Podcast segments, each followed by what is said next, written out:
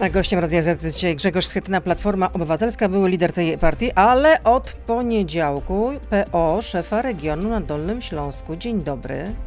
Dzień dobry Pani, dzień dobry Państwu, kłaniam się. No i trzeba jeszcze powiedzieć, że wielki fan futbo- futbolu. Już wiem, jak pan obstawia. 2 do 1, jeśli chodzi o mecz ze Szwecją. Czyli nie będzie szwedzkiego potopu, tak?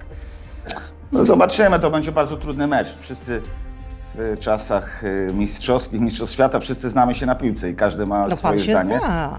No ale ja także między mistrzostwami świata, tak mi się wydaje. I No też mi się e, tak wydaje. Szwedzi naj, to najlepsza drużyna naszej grupy, bardzo dobrze zorganizowana, to będzie bardzo, bardzo trudny mecz. I tak naprawdę y, wierzę głęboko, bo ta drużyna pokazała, że ma charakter i może y, grać o wszystko. Tak było w meczu z Hiszpanią i dlatego trzymamy wszyscy kciuki, wierzymy w, w awans, w zwycięstwo, choćby jedną bramką i, i w awans do następnej rundy. Czyli jest pan optymistą, tylko jak pan obejrzy ten mecz, skoro dzisiaj są e, obrady Sejmu do późna?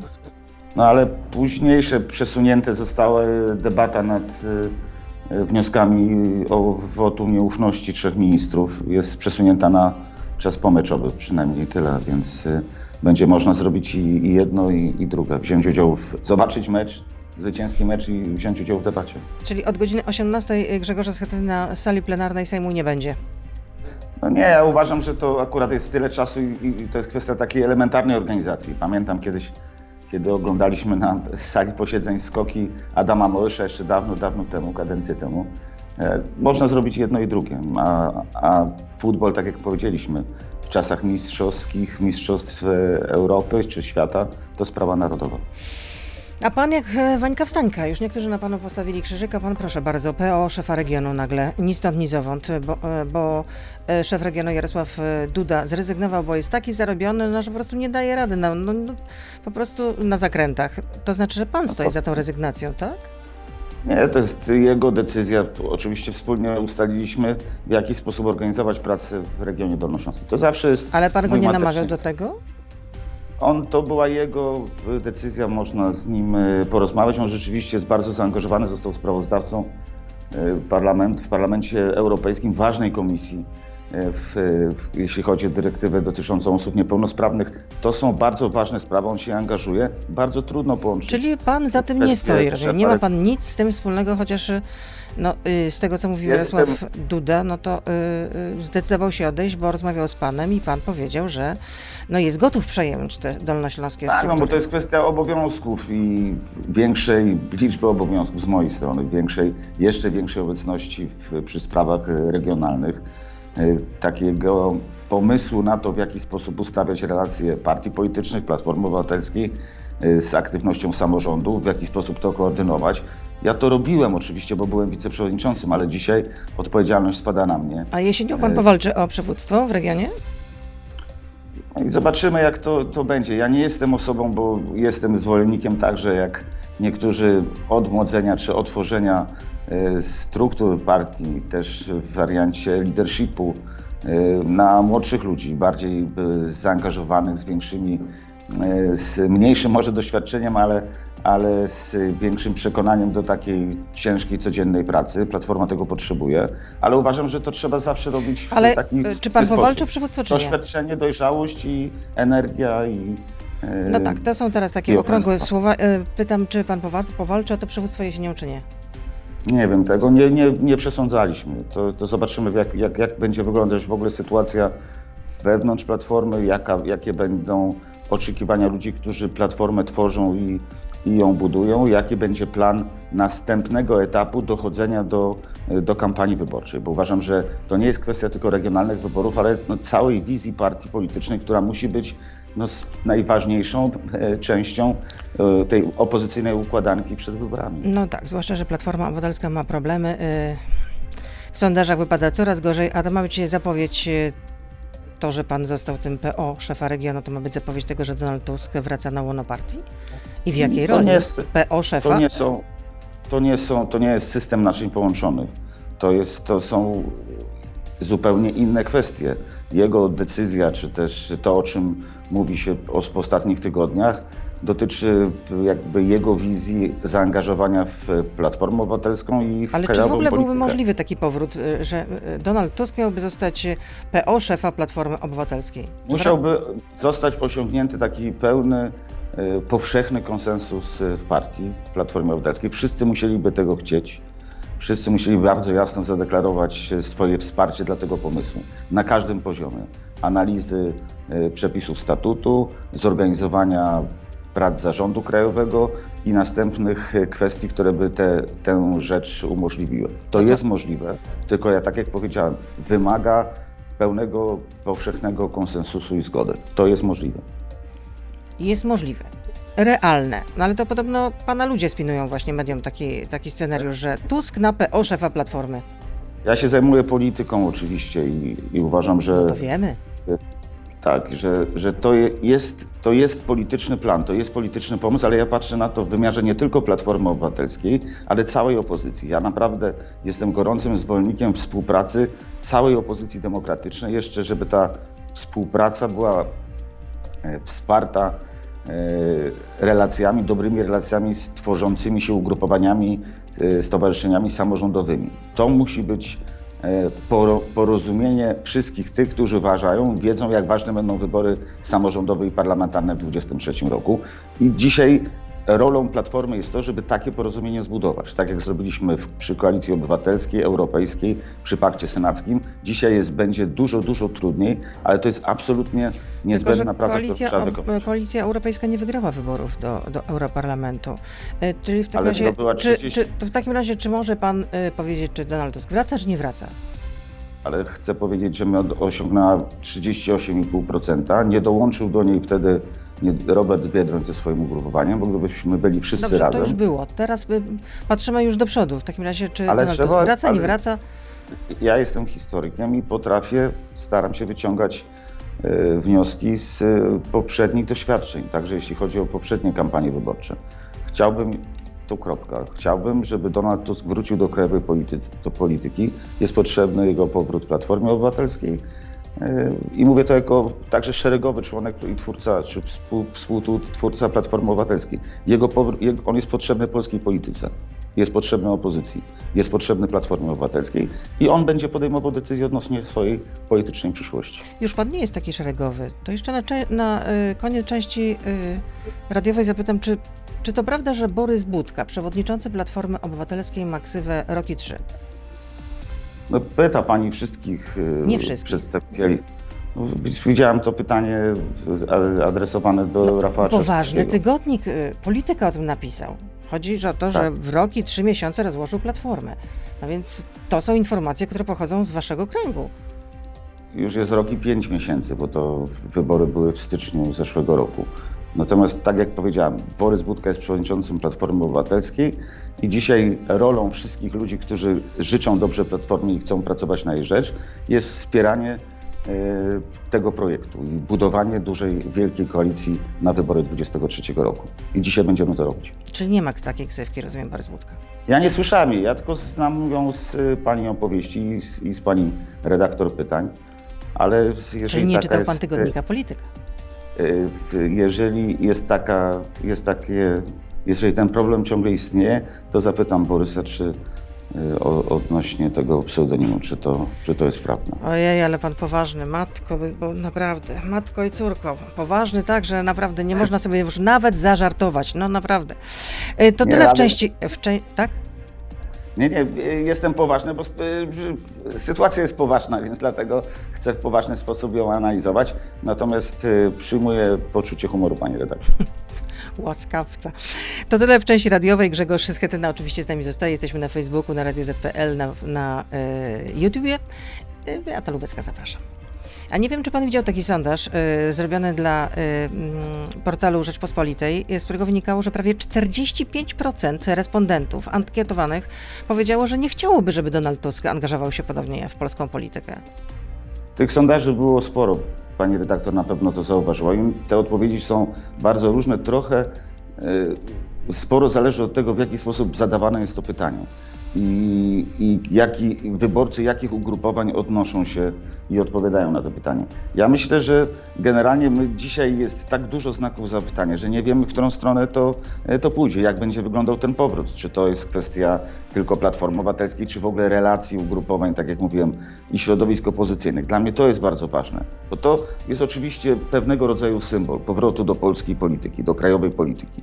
Bardzo ważny, ale to symbol. Ja uważam, że musi, musimy zbudować jako ludzie, politycy opozycji, przekonanie odnośnie niezbędności relacji, budowania relacji między ugrupowaniami i opozycji tu w parlamencie i poza parlamentem. Jest pytanie, czy to jest możliwe? Czy my jesteśmy do tego po stronie opozycyjnej gotowi? Czy my no jesteśmy właśnie, w stanie to można mieć wątpliwości, bo na słaby... przykład taki Marek Sawicki w wywiadzie dla Radia Plus powiedział tak, że powrót Donalda Tuska w roli patrona opozycji jest to prosta droga do zwycięstwa PiSu w roku 2023 i kolejnego wygrania przez Jarosława Kaczyńskiego. Czy my jesteśmy w stanie zbudować wewnątrz, między ugrupowaniami opozycyjnymi te dobre relacje, które nam dadzą elementarne zaufanie, a później zbudowanie jednej e, listy wyborczej? Czy to jest możliwe? Czy, czy pójdziemy drogą węgierską, e, w, gdzie opozycja skłócona i idąca na różnych listach oddała władzę Fideszowi tak naprawdę na zawsze, bo bo wygrywa Fidesz każde wybory i dzisiaj ma poparcie ponad 50%.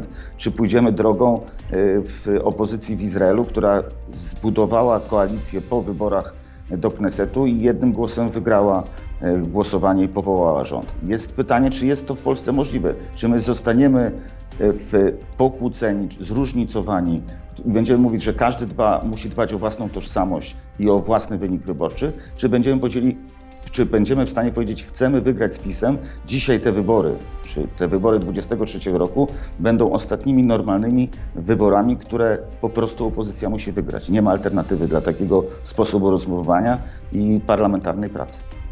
A może się Pan również odnieść do tego, o czym, do tego cytatu, który przytoczyłam, jeśli chodzi o Marka Sawickiego, że on jakoś tak blado widzi y, przyszłość y, wygranych wyborów przez opozycję, jeśli patronem opozycji miałby być Donald Tusk. To nie jest kwestia patron, patronatu, to jest kwestia zaangażowania, bo jeżeli jest taki głos ze strony Polskiego Stronnictwa Ludowego, to chciałem zapytać koleżanki i kolegów z PSL-u, jaka jest alternatywa dla współpracy y, opozycji samodzielne pójście PSL-u do, do wyborów. Jeżeli wszyscy pójdziemy osobno, jeżeli każdy będzie mówił, nie można się pogodzić, nie możemy znaleźć porozumienia, nie szukajmy patronów dla naszego, dla naszego politycznego planu, tylko każdy niech robi swoje, to pójdziemy na kilku czy kilkunastu listach i przegramy te wybory. Znaczy, ja chcę w polityce wygrywać. I uważam, że to jest dzisiaj najważniejsze. Jeżeli ktoś mówi nie wspólnie, to znaczy jak osobno? Osobno to jest marsz po porażkę. Muszą to wiedzieć ci, którzy, którzy w ten sposób używają takich argumentów i tak rozumieją politykę. To jest droga do porażki. Grzegorz Schetyna jest z nami. Mm, PO szefa regionu na Dolnym Śląsku Platformy Obywatelskiej. Ile pan wyłożył, e, panie przewodniczący, e, na kaucję dla Sławomira Nowaka? Czy pan się dołożył do tej akcji? Podpisywaliśmy, to jest e, tak, podpisywaliśmy apel do wspólnie w, w wszyscy, czy zdecydowana większość posłów, senatorów, eurodeputowanych stawaliśmy tutaj po stronie e, konieczności e, uczciwego procesu, któremu powinien, procesu sądowego, który, który jest przed Sławomirem Nowakiem i e, oczekiwaliśmy, żądaliśmy przyjęcia kaucji E, przez e, prokuraturę i sąd. No, trzeba było zebrać dużą kaucję w wysokości miliona złotych. Okazuje się, że, się e, udało, ale pytam, czy pan się dołożył również do tej sumy? Osobiście nie dokładałem się, bo ten, na tym ostatnim, w tym ostatnim etapie wiem, że te pieniądze były organizowane w inny sposób. Nie miałem takiej możliwości. Natomiast, tak jak powiedziałem, podpisałem list i gorąco trzymam kciuki za to, żeby ta sprawa miała swój E, dobry finał, to znaczy, żeby e, nie było, żeby nie został poddany e, aresztowi tymczasowemu czy przedłużonemu aresztowi Sławomir Nowak. Ale dlaczego pan się nie dołożył? Nie miałem takiej możliwości, nie byłem wtedy, kiedy ta zbiórka była prowadzona, nie byłem wtedy o to pytany i proszony. Mhm, czyli nikt się do Pana nie zwrócił z, taką, z takim pytaniem, tak, słuchaj Grzegorz, czy również stało? się dołożysz generalnie, tak. czy możesz e, wesprzeć tę inicjatywę? Proszono mnie tylko o poparcie go e, złożeniem podpisu pod tym apelem, co oczywiście uczyniłem. A gdyby Pana ktoś zapytał, to, już, to, by, się, to by się Pan dołożył? Oczywiście, że tak. Znaczy w takiej sytuacji to jest elementarna solidarność i, i czuję się także związany, bo przecież e, znaliśmy się wiele lat. E, Tu tworzyliśmy razem Platformę Obywatelską, wiele projektów politycznych. Jestem, e, trzymam kciuki za to, żeby wszystko się udało i dobrze zakończyło, żeby mógł e, w sądzie udowodnić swoją niewinność i głęboko wierzę, że tak się stanie. A pan wierzy w niewinność Sławomira Nowaka? Tak, uważam, że ten czas jego aresztowania i wszystko, co się stało w, w zaangażowaniu prokuratury, pokazuje i, i ten czas dziewięciu miesięcy, kiedy tak naprawdę y, można powiedzieć, że ten areszt, któremu był y, poddany, traktowany był jako areszt wydobywczy, y, uważam, że po prostu można było te kwestie przeprowadzić w inny sposób, można było doprowadzić do e, posiedzenia sądu i postawienia e, sprawy w sądzie w inny sposób, niekoniecznie stosując e, areszt wydobywczy. Prokuratura zbada kaucję e, Sławomira Nowaka. Skąd pochodzi ten milion na poręczenie majątkowe? Prokuratura e, przekonuje, że taki jest jej obowiązek. No ale wie pani, tylko że dzisiaj jest debata odnośnie e, kaucji. Czy prokuratura jest po to, żeby badać w jaki sposób i kto przeprowadzał zbiórkę, czy pomagał zebrać kaucję, czy powinna sprawy jak najszybciej skierować do sądu i, i próbować udowodnić e, winę os- e, osoby, która jest oskarżona. No przecież to też no, wszystko staje na głowie. No, gdzie, my, gdzie my jesteśmy? Teraz ci, którzy się e, dołożyli, czy, czy pomogli, czy pożyczyli pieniądze, e, teraz będą się tłumaczyć, dlaczego to zrobili i tym się będzie zajmować prokuratura. No, gdzie my jesteśmy? No, przecież no, naprawdę no, prokuratura nie jest od tych kwestii, jest od, od spraw prowadzenia, udowodnienia e, e, tych rzeczy, które są w akcie oskarżenia. Jak najszybciej do sądu i jak najszybciej udowodnić e, winę osoby oskarżonej, a nie sprawdzać i jeszcze tłumaczyć, że, że ta kaucja została wpłacona wprawdzie w, w terminie, ale jednak nie w taki sposób, w jaki powinna zostać płacona. Przecież to znaczy, że wszystko staje na głowie. Znaczy, to już na, naprawdę zaczyna być państwo w państwie. Znaczy, tu nikt nie ma, nikt tego, tej sprawy nie kontroluje i nie może powiedzieć, że prokuratura nie jest od tych spraw. No to ja dzisiaj mówię, nie jest od tych spraw. Prokuratura jest od tego, żeby udowodnić winę e, oskarżonemu, a nie od tego, żeby ustalać, w jaki sposób zbierane były e, pieniądze na, e, na kaucję. Trochę to pewnie potrwa, to takie badanie, jeśli prokuratura jest taka tutaj zdeterminowana. A co pan na to, że y, Kazimierz y, Michał Jazdowski odchodzi z Platformy Obywatelskiej, właściwie odszedł i zapisał się do, przeszedł do Koalicji Polskiej PSL-u? Każde odejście z klubu parlamentarnego, nie był członkiem Platformy Obywatelskiej Kazimierz y, Mich- Michał Jazdowski, ale każde takie odejście, nawet jeżeli ono jest y, wewnątrz jakby ugrupowań opozycyjnych, jest złe i, i, i z każdy, każdy mnie martwi. I, czy to dotyczy y, wcześniej koleżanek i kolegów w Sejmie, czy, czy, czy w Senacie. Uważam, że nie został, nie, nie byliśmy w stanie wykorzystać potencjału Ujazdowskiego, szczególnie jeśli chodzi o tę kwestię. Ja mówiłem o tym wielokrotnie, o Agencję Spójności i Rozwoju, o ten projekt ustawy, którą on przygotował, który miało być taką podstawą aktywności dla y, z koalicji rządzącej i dla opozycji i dla samorządów, jeśli chodzi o wydawanie pieniędzy post-covidowych. I to była jego ustawa. To był bardzo ważny, bardzo dobry pomysł, wzorem, wzorowany na legislacji francuskiej, żeby, żeby spowodować, że, uczestnictwo, że współuczestnictwo i współdecydowanie wszystkich najważniejszych instytucji w wydawaniu tych pieniędzy. To się nie udało. Jeśli udałoby się wtedy zbudować to porozumienie, które mieliśmy w Senacie i przełożyć je do, do, e, w realia sejmowe, to nie doszłoby do tego dziwnego głosowania i tego, że lewica wyłamała się z tej linii e, partii opozycyjnych. To była wielka szansa i to było stworzone, cała koncepcja była właśnie Kazimierza Ujazdowskiego i żałuję, że, tak, że, że nie udało nam się tego zrobić. A dzisiaj e, Czyli jest, poniekąd pan e, go rozumie, tak? e, że mógł być Uważam, rozgoryczony. że to, że, to, że, to, że to naprawdę przyniosło, to było niepotrzebne, źle się stało, że nie zostało wykorzystane. To na pewno jest rozczarowujące dla każdego, który się angażuje, który, który taką ustawę pisze, który ma pomysł na ważnych sprawach na to, żeby Czyli szefostwo mogła... klubu zaniedbało sprawę, rozumiem. To pewnie będziemy, będziemy wyjaśniać, ale, ale wydaje mi się, że to, to źle, się, źle się wtedy stało. Nie byliśmy w stanie właśnie z ważnego, w ważnym momencie, z ważnego projektu e, zbudować e, dobrej politycznej koncepcji, która łączyłaby sprawy opozycji i samorządu wtedy. Grzegorz Sketena jest z nami.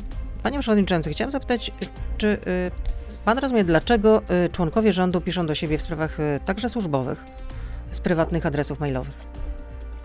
No to jest bardzo proste, pani redaktor.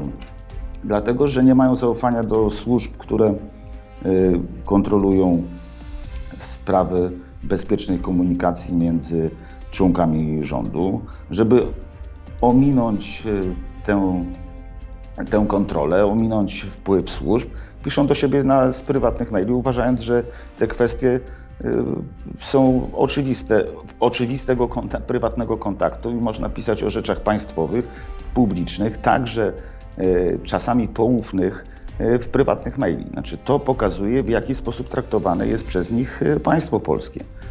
Traktowane jest prywatnie. Oni uważają, że mogą to robić. Ja Czyli za czasów Platformy nie, nie było takich praktyk? Ja nigdy nie pamiętam takiej sytuacji. Znaczy to, jeżeli ja bym używając prywatnego maila pisał o, o sprawach publicznych, czy to jest po prostu niemożliwe. Za naszych czasów niemożliwe i to mówię z pełną odpowiedzialnością. Bo to dzisiaj słyszę tutaj na korytarzach są, nie no to przecież no, zawsze wszyscy tak robią. Nie, to jest coś absurdalnego.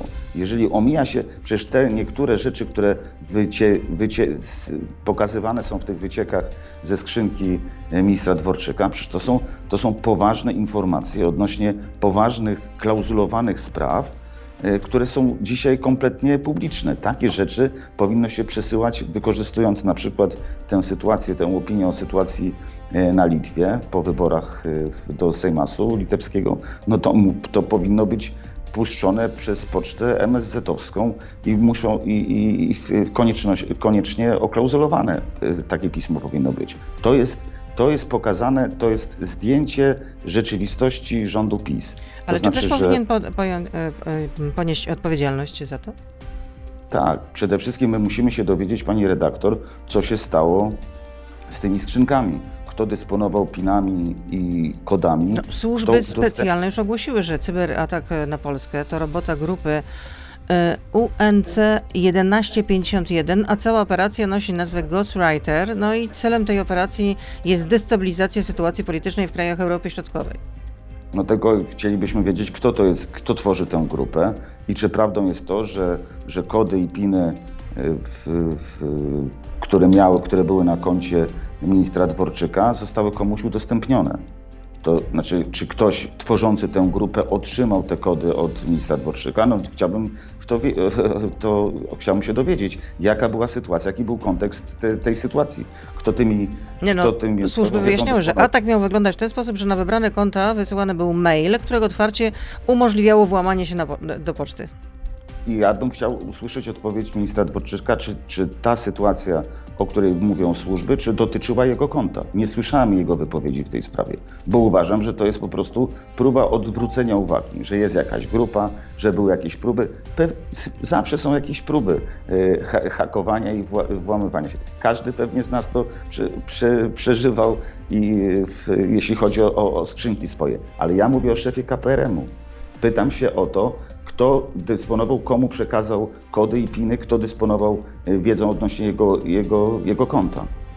Bo tutaj nie znam, nie słyszałem odpowiedzi, a jego konto zostało, y, y, zostało otworzone i, i, i wiedzę, wiedza jest o mailach, które, które on wysyłał z własnego konta. Więc ja chcę dokładnie, nie, nie, nie, nie, nie oczekuję wiedzy o jakichś grupach, które próbują hakować posłów, także opozycji, bo to jest odwrócenie uwagi. Ja chcę pełne informacje od ministra Dworczyka, komu udostępnił kody i piny, bo wiadomo było, że nie było, nie było włamania na to konto, nie było łamanych kodów, nie było łamanych pinów. Ktoś udostępnił komuś, czyli minister Dworczyk, komuś udostępnił wiedzę o swoim koncie i o, o, o swoich kodach i ktoś z tej wiedzy skorzystał. Więc ja pytam, kto? Jest pytanie od słuchacza do pana. Jacek pyta, jako polityk, były minister, czy może pan powiedzieć, jakie są podstawowe zasady bezpieczeństwa w sieci? I proszę powiedzieć, co to jest VPN, czy pan z niego korzysta?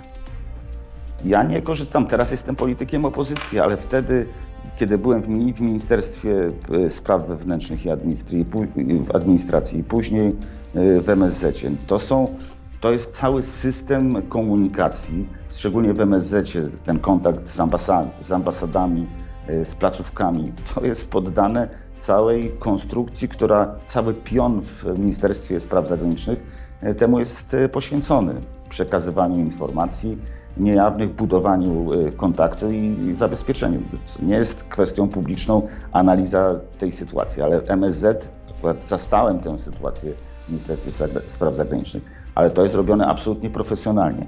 I wszystkie kontakty zagraniczne wszystkich ministrów, także KPRM-u, y, były w rękach za moich czasów w rękach ministra, Ministerstwa Spraw Zagranicznych. Jak jest teraz, no to widzimy y, to w, w korespondencji między Dworczykiem a Morawieckim. Przecież oni y, wymieniają się informacjami, poka- po, po, przekazują y, telefony prywatne do premiera Litwy w sposób absolutnie, absolutnie niepoważny. Tak, tak muszę powiedzieć. I, i uważam, że, że tego tak nie można zostawić, bo jeżeli te kwestie tak ważne, tak wrażliwe są prowadzone w taki sposób, to wszystko, to wszystkie ważne rzeczy mogą być prowadzone właśnie w taki sposób. Nieodpowiedzialny, e, nieostrożny i po prostu amatorski.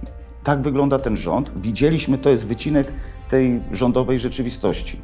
Kompletna, kompletna amatorszczyzna i wstyd. I na końcu kompromitacja i wstyd, bo to przecież y, wszyscy to widzą. Ale co to jest VPN? Nie wiem. Kolejne pytanie. Mm, jak pan ocenia szansę na przejęcie stanowiska szefa PO przez siebie? Ja nie jestem y, chętny do kandydowania na szefa Platformy. Nie chce pan już być więcej przewodniczącym Platformy? Y, uważam, że ten czas mojej kadencji czterech lat, on jest w, pewnego, w pewien sposób zamknięty. Ja mam, y, czuję spełnienie, bo, bo to był trudny czas. Wyciągnąłem, udało mi się wyciągnąć Platformę w, w trudnej sytuacji z y, takiego politycznego dołka po wyborach, po przegranych wyborach 2015 15 roku. Udało mi się przeprowadzić, tak jak mówiliśmy, pakt senacki. Zwyciężyliśmy w Senacie, zostawiałam ją jak miała 30% poparcia i to był pewien etap. Dzisiaj po tych kilkunastu miesiącach jesteśmy w innym miejscu, ale ja, tak jak powiedziałem, dlatego angażuję się w kwestie regionalne, dlatego będę budował Platformy Obywatelskiej i relacje współpracy opozycji tam, gdzie będę mógł to robić, bo uważam, że każda każde zaangażowanie i każde ręce e, są dzisiaj potrzebne, a także głowa i doświadczenie. I uważam, że, że to jest dla mnie najważniejsze, a nie e, walka o to, żeby mieć wpływ, czy żeby być przewodniczącym, czy żeby e, tworzyć Czyli nie jest jakiś... pan już tym zainteresowany. A Borys Budka dotrwa nie, do końca, nie, nie, dotrwa, dotrwa do końca kadencji? Kadencja przewodniczącego według statutu Platformy to między 2 a 4 lata, więc to, to jest y, decyzja władz Platformy, oczywiście przewodniczącego, jaką drogę wybierze i kiedy ta kadencja, y, kiedy ta kadencja będzie się kończyć. Ale mamy dużo do, do zrobienia przed sobą i uważam, że, że dzisiaj to jest najważniejsze dla, dla ludzi Platformy i dla, dla tych, którzy tworzą Y, największą partią opozycyjną. W jaki sposób przejąć inicjatywę, jaki zbudować pomysł, jak znowu wrócić na tą pierwszą linię y, politycznej aktywności, jak być największą partią opozycyjną, jak wpływać na y, i budować relacje po stronie opozycji. Dzisiaj pan... to jest ten czas, dzisiaj to będziemy robić. A dzisiaj co panu taką robimy. koncepcję, o której ostatnio mówił Tomasz Siemoniak w, w jednym z wywiadów, triumvirat? Tusk, Trzaskowski, Budka. Ja pamiętam triumviraty, pamiętam początek Platformy Obywatelskiej. Przecież tak było. Błażyński, Olechowski, Tusk. To był, to był początek. Tusk. E, potem został Tusk. Zresztą w historii wielokrotnie też e, z Tuskiem i, i z Rokitą rozmawialiśmy o triumviratach i o tym, w jaki sposób e, chociażby w starożytnym Rzymie kończyły swoje funkcjonowania, w jaki sposób przechodzono do następnych etapów i z reguły zawsze zostawał ten jeden, który... No, e, najsilniejszy po prostu najwięcej... wykańczał tych pozostałych. Tak było w starożytnym Rzymie, ale chcę powiedzieć, że dzisiaj stworzenie, dzisiaj Platforma jest partią dojrzałą. Dzisiaj ma swojego przewodniczącego, zarząd, ma swoje władze. Chodzi o to, jak zbudować nowy impuls, jak wykorzystać tę sytuację Y, która dzisiaj jest po stronie opozycji. Ten czas. I to jest ten święty gral, którego szukacie cały czas.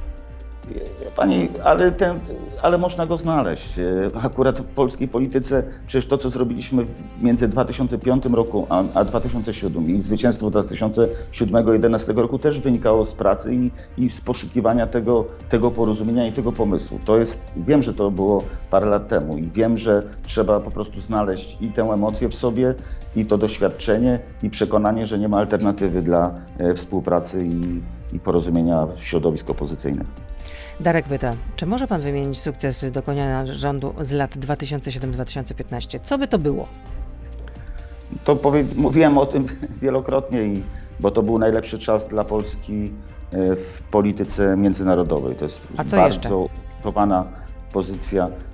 Na pewno na, znaczy polityka międzynarodowa, pozycja Polski w, Polski w Unii Europejskiej i w NATO, to po, pierwsza rzecz. Druga kwestia to na pewno zbudowanie e, tarczy przeciwko wielkiemu kryzysowi finansowemu, który po upadku Lehman Brothers do, dotarł i, i był morderczy dla, dla wszystkich gospodarek światowych i finansów e, wszystkich krajów. Przeżyliśmy to w dobrym e, stylu. Nie zatrzymaliśmy inwestycji i wykorzystywania środków europejskich na wielkie projekty.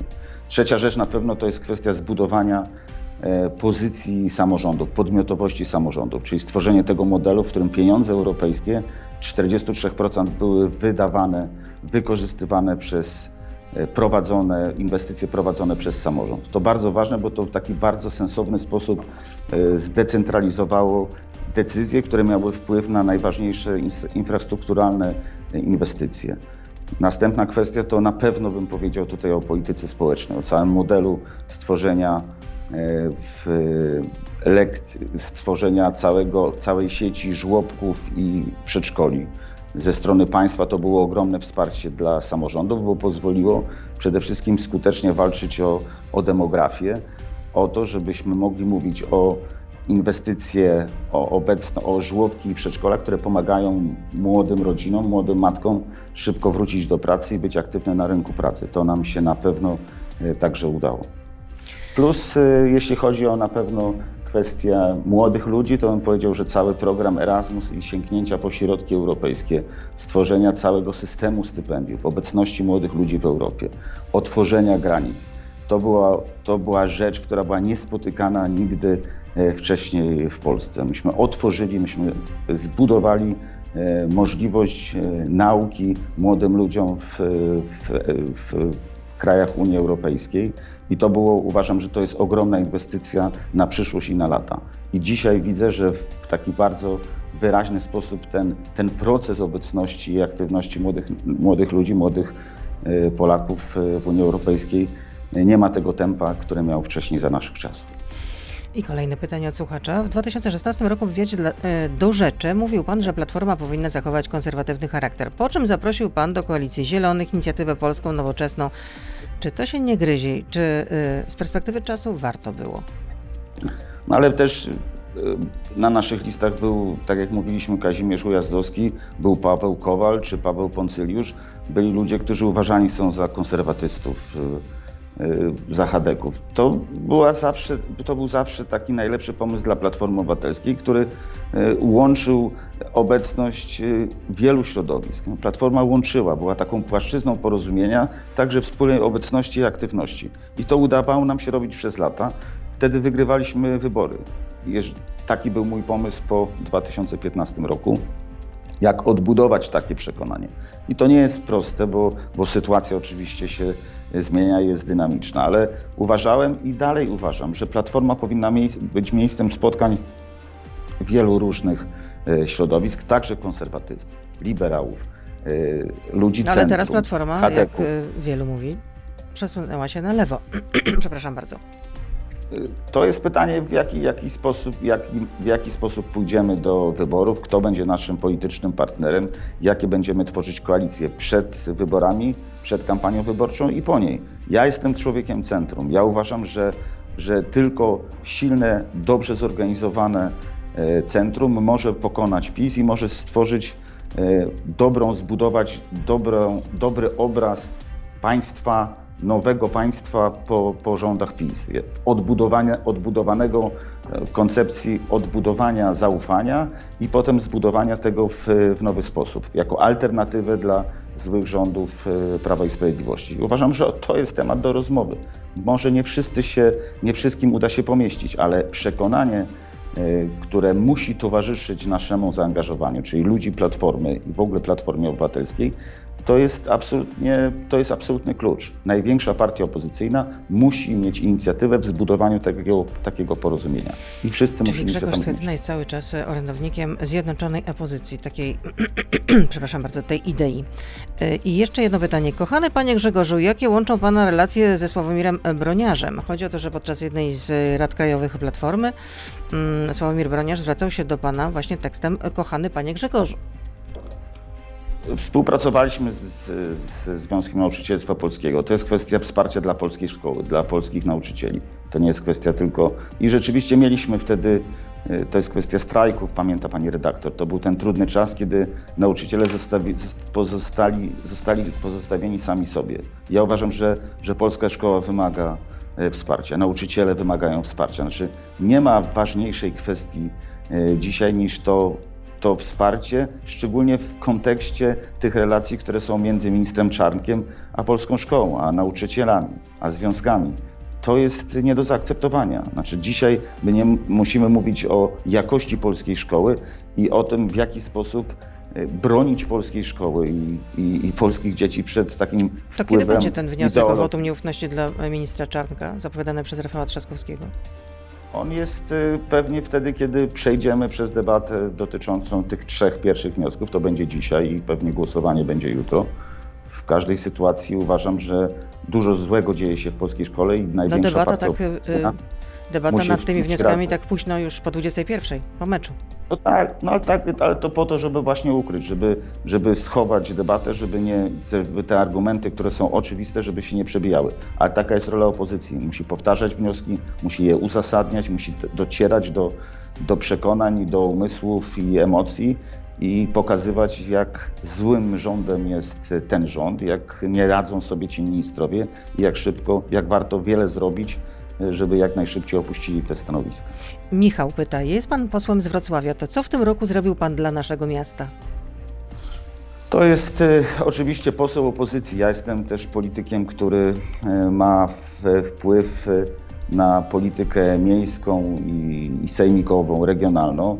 Jeśli chodzi o, o miasto, to e, prezydent Jacek Sutryk jest w koalicji, jesteśmy w koalicji właśnie Platformy Obywatelskiej, Koalicji Obywatelskiej z Jackiem Sutrykiem. Udało się przeprowadzić e, Ostatnio najpierw budżet e, w porozumieniu z bardzo dobrym wynikiem, w bardzo trudnych czasach dobry budżet dla Wrocławia. to pana zasługa? pilotaryjna. Wiele radnych Platformy Obywatelskiej, którzy tworzą e, klub, wspólny klub prezydencki i, i platformiany Jacka Sutryka. Ale uważam, pytanie jest, co pan wsparcie- konkretnie zrobił jako poseł z Wrocławia? Wie Pani, to jest y, na przykład, jeśli chodzi o, o swoją aktywność, to jest kwestia interpelacji, tego w jaki sposób można egzekwować rzeczy ważne dla mieszkańców na poziomie y, y, parlamentu. No, i udało jaka to była interpelacja? Drobna rzecz, tak, no, y, interpelacji jest wiele, ale na przykład jedna z takich, chodzi o przystanek y, w, na, w linii kolejowej na, y, na Kiełczowie, gdzie, który, w którym mógłby pomóc i ułatwić y, komunikację I to była pana E, interpelacja, tak? Tak, tak. To, No to i odpowiedź jest? Jest odpowiedź, która pokazuje, że, że temat y, jest wprowadzony w, i, i będzie realizowany. Będę tego też pilnował, bo to uważam, że, że to też jest rola y, posła każdego, nawet opozycyjnego, który może nie ma wpływ, nie, nie, nie, nie może mieć, czy nie, nie musi mieć wpływu bezpośredniego, ale tworząc atmosferę, poddając pomysły, y, pokazuje, że może być skuteczny. Grzegorz Schetyna na koniec się uśmiechnął w końcu. Dziękuję bardzo. Grzegorz No. Schetyna, y, były przewodniczący Platformy Obywatelskiej, teraz PO szefa regionu na Dolnym Śląsku, który jeszcze nie wie, czy powalczy o to, żeby być tym szefem, takim już y, formalnym, nominalnym, a nie tylko PO. Bo wcześniej był wiceprzewodniczącym. Dobrego dnia życzę. Y, Dużo zdrowia Dziękuję. oczywiście, nieustająco. Do usłyszenia, Dziękuję. zobaczenia, kłaniam się. Wszystkiego dobrego, dużo zdrowia i dużo dobrych emocji dzisiaj wieczorem po 18. No dwa do jednego, typuje pan, no więc Tak jest. tego się trzymajmy. Do Trzymamy usłyszenia do, do, i do zobaczenia, kłaniam się. To był gość Radia Z. Słuchaj codziennie w Radio Z i na player radioz.pl.